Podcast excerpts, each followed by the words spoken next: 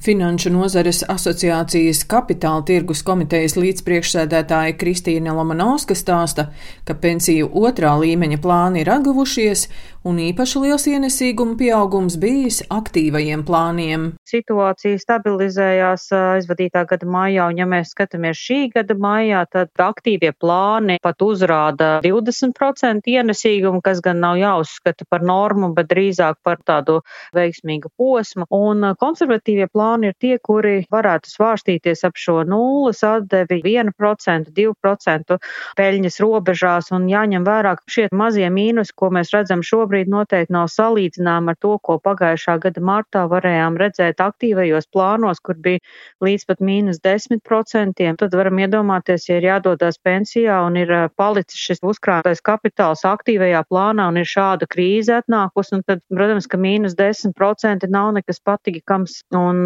šeit es gribētu ļoti uzteikt arī Latvijas valdības pieņemtos lēmumus aizvadītā gadā, kas ļāva pensiju otrā līmeņa uzkrājējiem, kuri devās pensijā, tomēr paturēt šo otrā līmeņa kapitālu mazliet ilgāk, neņemt ārā kopā ar pirmo līmeni, aizejot pensijā.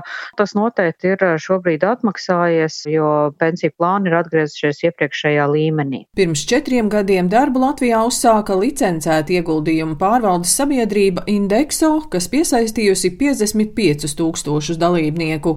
Uzņēmuma izpildirektors Ilja Arefjevs skaidro, ka aktīvo plānu pensiju līdzekļi tiek ieguldīti pasaulē labāko uzņēmumu akcijās. Tas, ko dara akciju indeksu plāni, iegulda naudu pasaules vērtīgākajos uzņēmumos. Kopā tie ir kādi 1600 uzņēmumi. Mēs ļoti labi viņus pazīstam. Farmācijas nozares uzņēmumi, telekomunikāciju uzņēmumi, arī finanšu uzņēmumi, autoražotāji un tam līdzīgi. Un tad, tad mēs principā paļaujamies uz to, ka ilgtermiņā augot ekonomikai, aug arī šo pasaules lielāku uzņēmumu vērtība, tad pieaug arī šo uzņēmumu akciju cenas.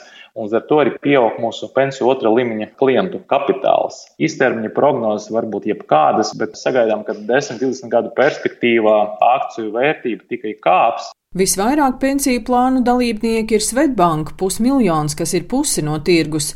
Svetbanka pensiju plānu līdzekļu pārvaldnieks Oskars Briedis stāsta, tas, cik ātri pēc krīzēm atgūstas finanšu tirgi, ir atkarīgs no valstu fiskālās un monetārās politikas. Būtisks iemesls ir tāda atbalstoša monetārā un fiskālā politika, ko veids e, vadošās pasaules centrālās bankas un arī vadošās valdības, kā ASV un Eiropā. Tas ir ļoti palīdzējis atgūt pārliecību tirgos, tirgus dalībniekiem, ka viss būs kārtībā. Un otra lieta jāatzīst, ka arī gan vakcīnu radīšana pietiekami ātri un veiksmīgi ir bijis pozitīvs faktors, un tātad tirgus dalībnieki tic, ka atkopšanās būs ātrāk, un arī šobrīd rezultāti, piemēram, ja mēs aplūkojam attīstītās valstis, ir pietiekami pārliecinoši par vakcīnu iedarbību un ekonomiku spēju izdzīvot un atkopties.